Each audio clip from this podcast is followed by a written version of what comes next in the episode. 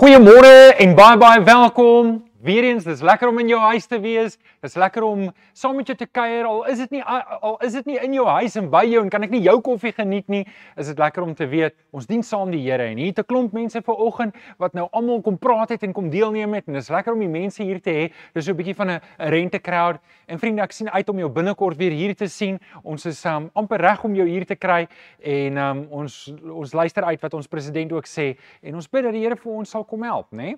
Um Jy is nou hierso. Ag, druk op die like knoppie. Dis 'n maklike manier om vir ons te help om die woord daar buite te kry. Wanneer jy klik op die like knoppie, dan sê jy vir YouTube, hierdie is belangrike inligting en hoe meer mense daarmee deelneem, hoe vir hoe meer mense wys dit. So help ons asseblief klik op die like knoppie en as jy nog nie het nie, druk op die subscribe knoppie, dan help jy vir ons om op 'n baie maklike en eenvoudige manier die woord nog wyer uit te kry.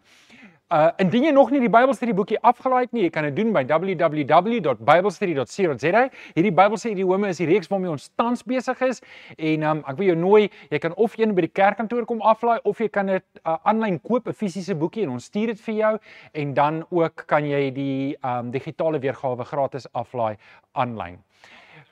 En dan en dankie dat jy finansiëel bydra. Vriende, indien jy iewers wil bydra, jy dra nog nêrens by nie, oorweeg om hier finansiëel by te dra. Dit help vir ons. Um die van julle wat reeds bydra, baie baie dankie. Dankie dat julle finansiëel bydra.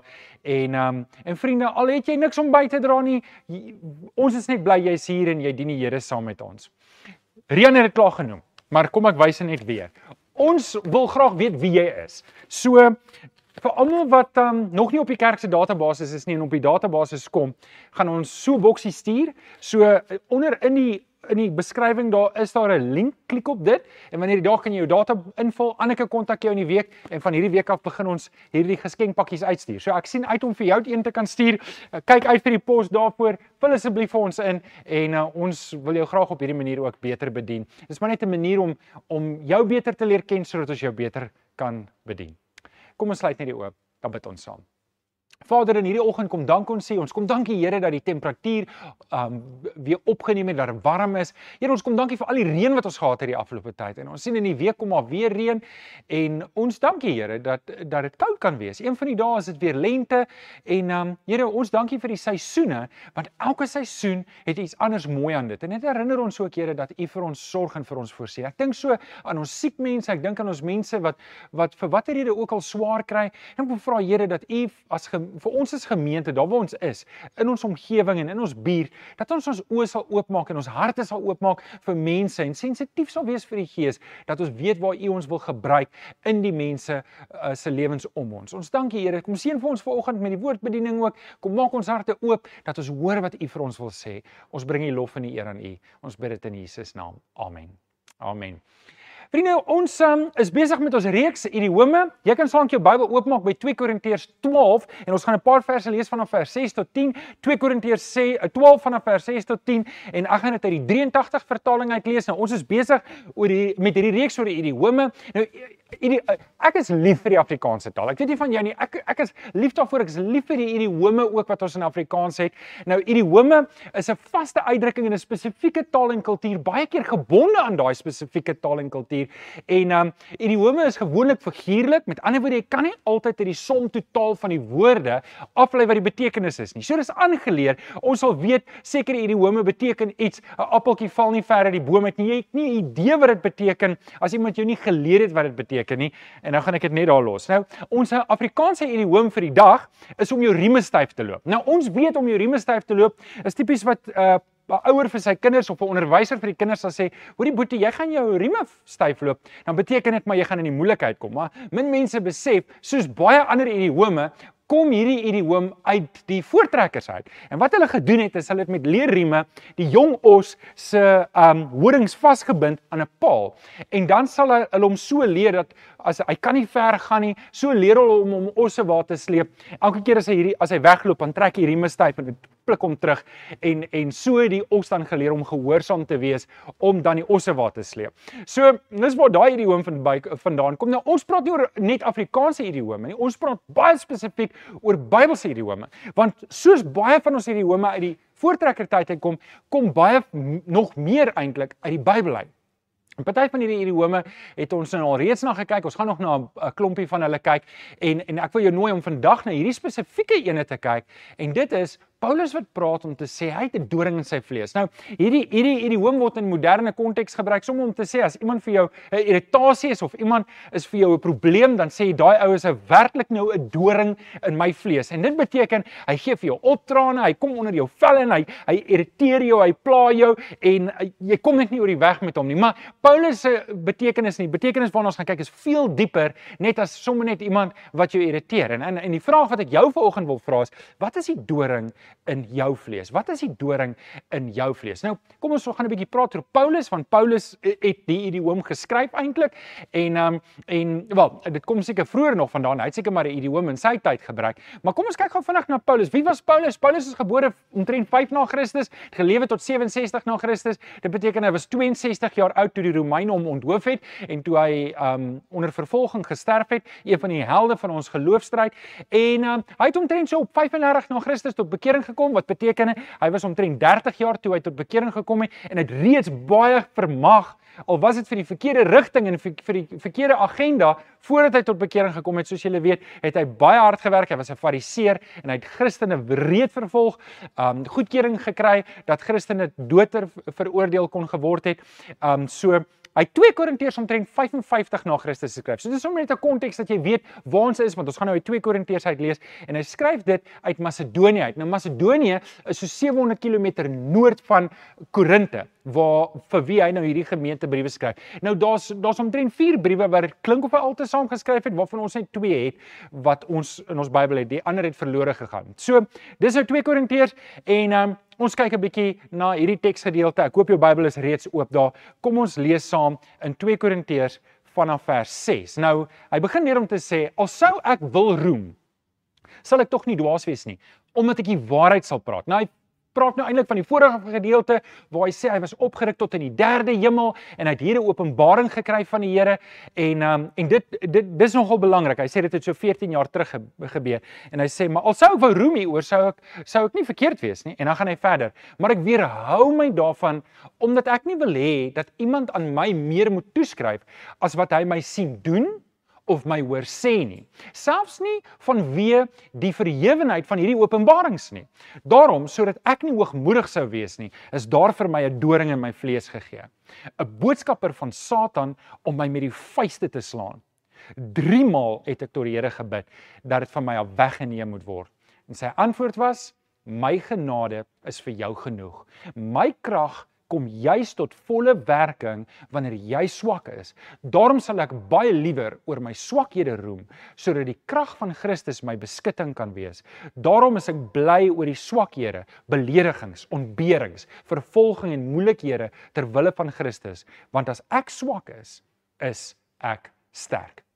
So, die vraag het baie oor die laaste 2000 jaar opgekom.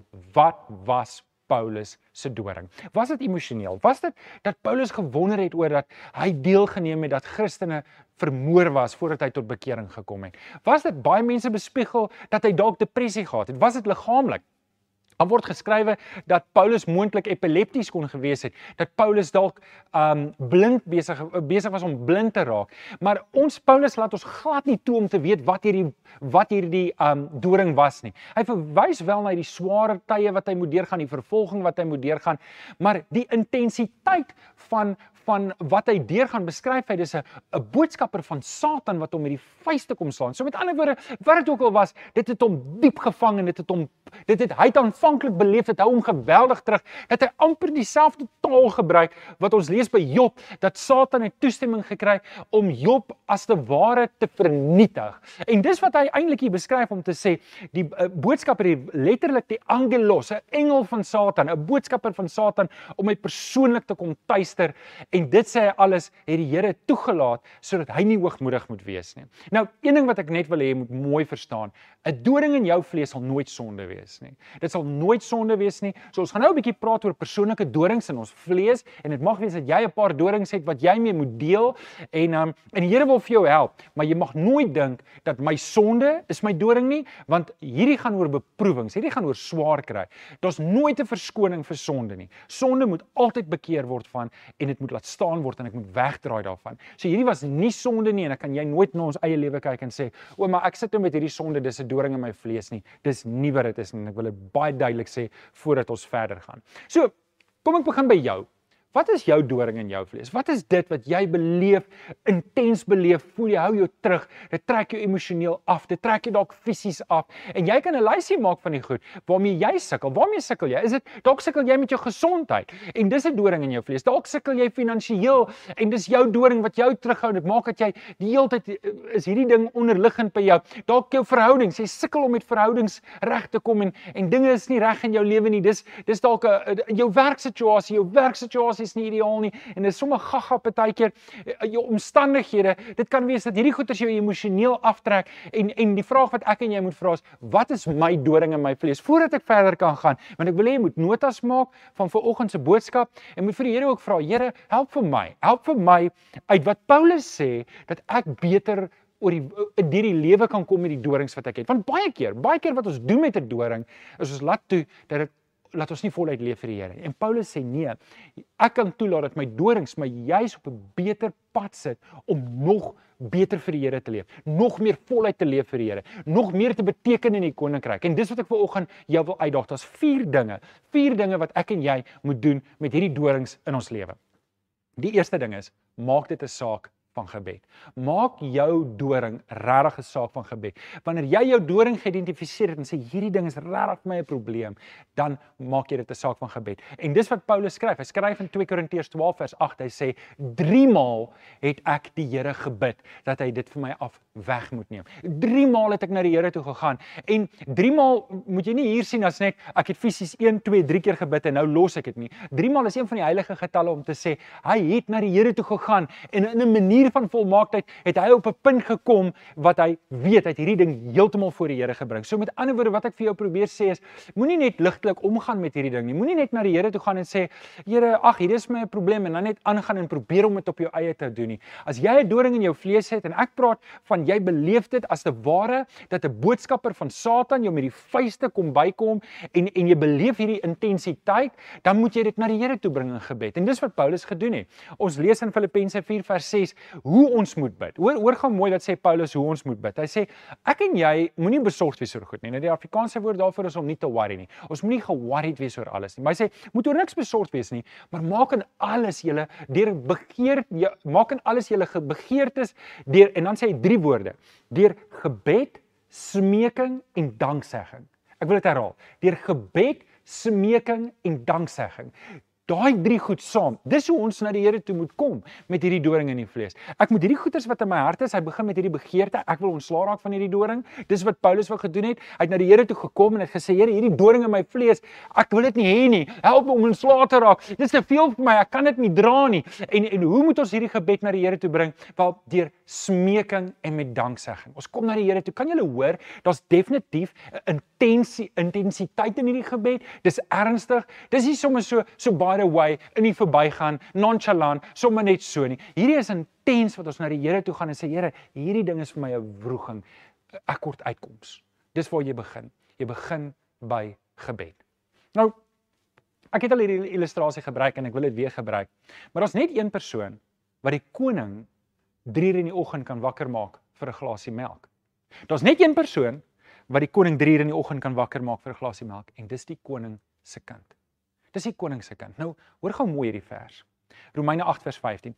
Julle het die Gees ontvang wat julle tot kinders van God maak en wat ons tot God laat roep, Abba, Dit beteken Vader.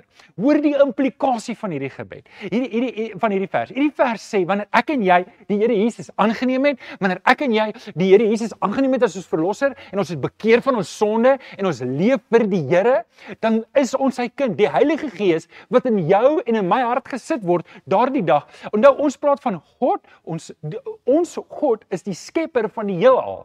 Hy is die skep die skepper van die hemel en die aarde. Hy is die almagtige. Hy is die soewereine. Nou hoor wat kom doen die Heilige Gees. Wanneer ek Jesus Christus aanneem, wat dan gebeur is, God sit die Heilige Gees in my hart en dan verander my verhouding na van hy is net God wat ek vrees na my persoonlike Vader.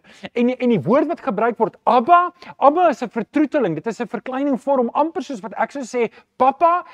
Met ander woorde, ek en jy kry hierdie besonderse intense persoonlike verhouding met God, die Almagtige, die Skepper van die hemel en die aarde. Ek en jy kry die kans om hom Pa te noem. Pa te noem. Net een persoon kan die koning 2 uur in die oggend wakker maak vir 'n glasie melk. Sy kind. Jy is daai kind. Ek is daai kind. Ons moet hierdie goeders in gebed na die Here toe vat. Wat is jou doring in jou vlees? Wat is jou doring? Ek wil vir jou ek wil by jou kom pleit vir oggend. Maak dit 'n saak van gebed. Dring dit bring dit na die Vader toe. Moenie net alleen daarmee sukkel en loop en val en loop en bring dit na die Vader toe en en en sit by die Here se voete want jy is sy kind en jy het toegang tot die koning God die almagtige. OK, dis die eerste ding. Die die die die tweede ding wat ek en jy moet doen is ons moet verander wat ons kan verander. So ons kom in gebed na die Here toe, maar die Here gee vir ons 'n verantwoordelikheid om goed te doen, om deel te neem en om aksie te neem. Nou Jakobus, ek wil twee verse uit Jakobus uitlees wat eintlik fenominale goeie en sterk verse is in hierdie konteks. Jakobus skryf in Jakobus 2 vers 14: "Wat help dit my broers as iemand beweer dat hy glo, maar sy dade bevestig dit nie? Kan so geloof mens red?" Wat Jakobus hier eintlik sê is: "Luister, dis dis goed. Wel, jy sê jy glo, maar dan moet jy doen ook. Jy kan nie net sê ek glo nie jy moet oorgaan in aksie. Geloof vra altyd aksie. Hy gaan verder in vers 18 en hy sê iemand kan miskien sê, ja, maar een het geloof en die ander een het die dade. En dan sê nee, dit is nie so. Hy sê goed, wys dan vir my jou geloof wat sonder dade is. En dan sê hy, dan sal ek vir jou my geloof wys uit my dade. Nou wat Jakobus eintlik hier sit in eenvoudige Afrikaans is, luister, geloof is nie om op jou hande te sit en te wag vir iets nie. Geloof is om aktief deel te neem. So jy het nou gebid, jy het intens na die Here toe gegaan en jy het die Here gevra vir uitkoms, maar jy moet ook doen wat jy kan doen. Jy moet ook om jou gaan en kyk en en en raadgewers om jou kry, mense wat net so lief is vir die Here en liewer vir die Here is wat verder gestap het as jy. Daar is mense in jou situasie wat worstel met dieselfde tipe dorings wat jy wat al die pad verder gestap het. Kom in kontak met hulle. Dis hoekom dit so belangrik is dat die gemeenskap van die gelowiges dat ek gekonnekt is met ander kinders van die Here wat dieselfde dinge deurgaan as wat ek is en verder as ek is. Nou, dis die belangrike ding hier. Geloof is is nie om passief te wees nie, te sê nou glo ek nie. Geloof is ook om aksie te neem. Nou, almal ken Hebreërs 11 en ek wil jou vra om Hebreërs 11 in jou eie tyd te gaan lees want dit lys 'n klomp geloofshelde. Maar Hebreërs 11 vers 6 sê as 'n mens nie glo nie, is dit onmoontlik om te doen. As jy nie glo nie, is dit onmoontlik om te doen wat God wil. Wie tot God nader moet glo dat hy bestaan en dat hy die wat na hom soek beloon. En hier, hier is die hier is die vers. Hier is die vers. Geloof vra aksie. Geloof vra aksie. Jou aksie bewys dat jy geloof het in die eerste plek. En dis waar die hele Hebreërs 11 gaan. Hy lys al hierdie uh, al hierdie helde en al hierdie helde het dit in gemeen. Hulle almal moes oorgaan in aksie. En hy noem Abraham daar. Maar kom ons vat gou-gou Moses. Moses moes God geglo het. Hy moes geglo dat die Here die volk wil lei. Nou, hy was 'n bietjie van 'n rebel, maar hy het uiteindelik gedoen wat die Here wou gehad het. Hy het teruggegaan na Farao toe. En en hy moes sy kierie vat en hy moes sy kierie gooi. Dis alles aksies. Dink aan Jonathan Jonatan wat met sy wapendraer gaan en sê, "Miskien help die Here ons." Hy het nie net gewag in geloof dat die Here iets gaan doen nie. Nee, hy het opgeklim na die Filistyne toe en en en en en hierdie goeders is wat ek en jy ter harte moet neem. Geloof is nie om passief te wag dat iets moet gebeur nie. Ons moet aksie neem. So dis die tweede ding. Die derde ding en en nou raak dit so 'n bietjie moeiliker en dit is Partykeer kan ek goed nie aanvaar nie of verander nie en dan moet ek dit aanvaar. Partykeer gaan jy op 'n plek kom in jou lewe wat jy goed nie kan verander nie en en dan moet jy aanvaarding hê. Jy jy moet jy moet na dit kan kyk en jy moet saam met die Here wysheid hê. Hoor wat sê Jesaja 55 vers 8 en dis by daai kruispaai, dis waar Paulus vas. Paulus het na die Here toe gekom en gesê: "Here asseblief, help my met hierdie doring." Jesaja 55 vers 8 sê: "My gedagtes is nie julle gedagtes nie." En julle optrede nie soos myne nie, sê die Here. En dan gaan hy verder in vers 9. Soos die hemel hoër is as die aarde, soos my optrede verhewe bo julle optrede en my gedagtes bo julle gedagtes. Weet jy, soms gaan ons iets nie verstaan nie. Soms gaan die Here nie vir ons die uitkoms gee wat ons voorhoop nie. Nou, hier het ek 'n robot met 'n groen lig, dis hy. Dankie Andrej. En ehm um, En en baie keer iemand het eendag hierdie preek gegee en ek was so beïndruk daarmee dat baie keer bid ons en die Here sê ja. En is 'n ja en is 'n groen lig en jy gaan en dinge gebeur en jy's so opgewonde, dit bou jou geloof en jy's jy's jy's ag man, jou geloof is deur die dak en jy sien net jy sien kans vir vir baie dinge. Partykeer, partykeer dan bid jy en die Here gee vir jou 'n geel lig. En dan moet jy wag. So da, dis die tyd wat ons hierdie ding moet werk en en baie keer is dit waar dorings in daai kategorie wat dorings val wat wat die Here besig is in jou lewe en en jy moet 'n bietjie karaktervorming doen, jy moet 'n bietjie geestelik groei. Hier is 'n kans vir die Heilige Gees om meer van Jesus in jou lewe op na vore te bring en daai ou Johan dood te maak en dit vat tyd, baie keer 'n jaar, baie keer 5 jaar, baie keer 15 jaar en dinge kom nie net maklik nie en is moeilik en ek trek 'n bietjie swaar, maar baie keer sê die Here nee. Partykeer sê die Here nie en die Here het vir Paulus nee gesê. Hy het 'n doring in die vlees gehad en hy het by die Here gepleit, hy het by die Here gesoebat. En dit was intens, was hierdie boodskapper van Satan om hom met die vuiste te slaan en die Here het vir hom gesê: "Nee. Ek gaan nie vir jou ek gaan nie vir jou uitkoms gee nie." En en ons verstaan dit nie. Ons verstaan dit nie. Jesaja 55 vers 8: My gedagtes is nie julle gedagtes nie en julle optrede is nie soos myne nie, sê die Here. En hier's die ding. Partykeer dan bid ons en ons weet nie, is hierdie is hierdie 'n gelig of is hierdie 'n rooi lig? Ons weet dit nie. Terwyl ons wag en bid, het ons in geloof, ons druk vorentoe, ons doen wat ons kan doen, maar partykeer is die lig geel en partykeer is hy rooi en totdat ons nie op verby die geel lig stadium is, weet ons nie of hy rooi gaan wees nie. En dit mag wees waar jy nou is. En en hier by my het ek vir Tanya En ehm um, Tanya Tanya het so rooi lig gekry in haar lewe. En ehm um, en ek wil hallo my vrou, dis my ja. vrou Tanya. Ek is baie lief vir haar. en ehm um, en jy jy het so 'n rooi lig gekry. Wil jy vir ons vertel? Nee. Okay, jy het my nou klaar voorgestel. Ja. So vrou. Ja. Ehm um, ja, en ehm um, ja, as dit jou oulike kinders ook, hulle kyk ook vandag. En ja, ek het aan um, ek het ek is gebore met 'n om dit nou maklik te stel aan um, basiese gesigsverlamming. So uh, dit beteken net ek het geen my senuwees in my gesig het nooit ontwikkel nie, so ek geen uitdrukking op my gesig nie. So jy kan nie glimlag nie. Ek kan nie plooie kry nie. Kan nie plooie kry nie. Ek, ek lyk jonger as my man. Maar in 'n geval dis nie dink nie.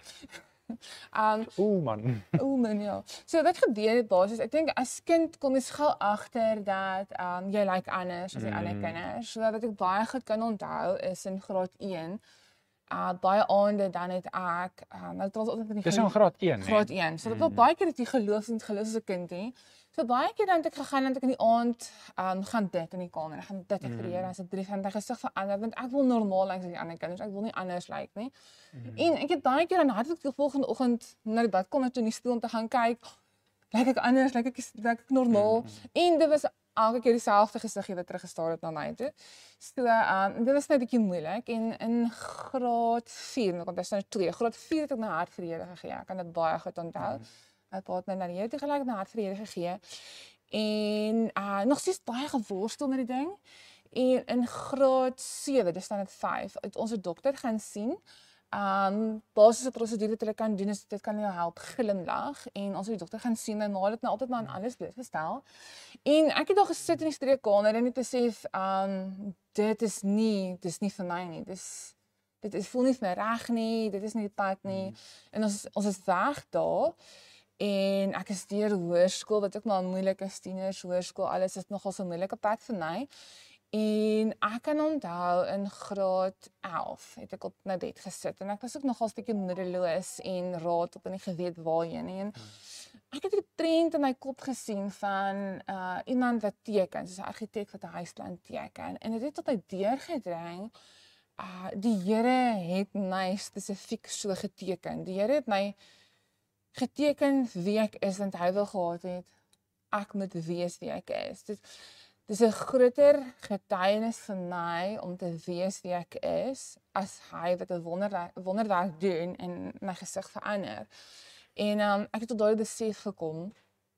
Dit pad het nie makliker geraak van daar af nie. Jy het nou nog steeds jou afdaal en jou opdaal en en maar jy jy herinner jouself en jy weet diep binnekant dat daar is 'n groter plan en die Here die Here sien die groter prentjie en hmm. ek meen ek het met 'n predikant getrou waar ek was net mense werk die hele tyd mm. en so jy kan nie regtig gaan wegkruip nie en ek werk met die kinders en en die Here het jou geroep om voltyds in die bediening te wees. Ek love dit en mm. wat so wonderlik is in die sonnaskool kinders is jy vergeet wie jy is en hoe jy lyk like, as jy met hulle werk want hulle sien jou net as Tannie Tanya, niks niemand anders nie. Ja. En wat vir my ook 'n groot deurbraak was dan winkels en goed is altyd altyd baie moeilik want vir al kinders, kinders is so eerlik. So hulle sal staar of wys en ma sal en ma sal probeer ordentlik wees. Ja, en ek het dit besef. Ek het eendag na 'n kind toe gegaan te vra vir hom, te vra was dit 'n seentjie en toe sê ek vir hom, "Maar vra my weer."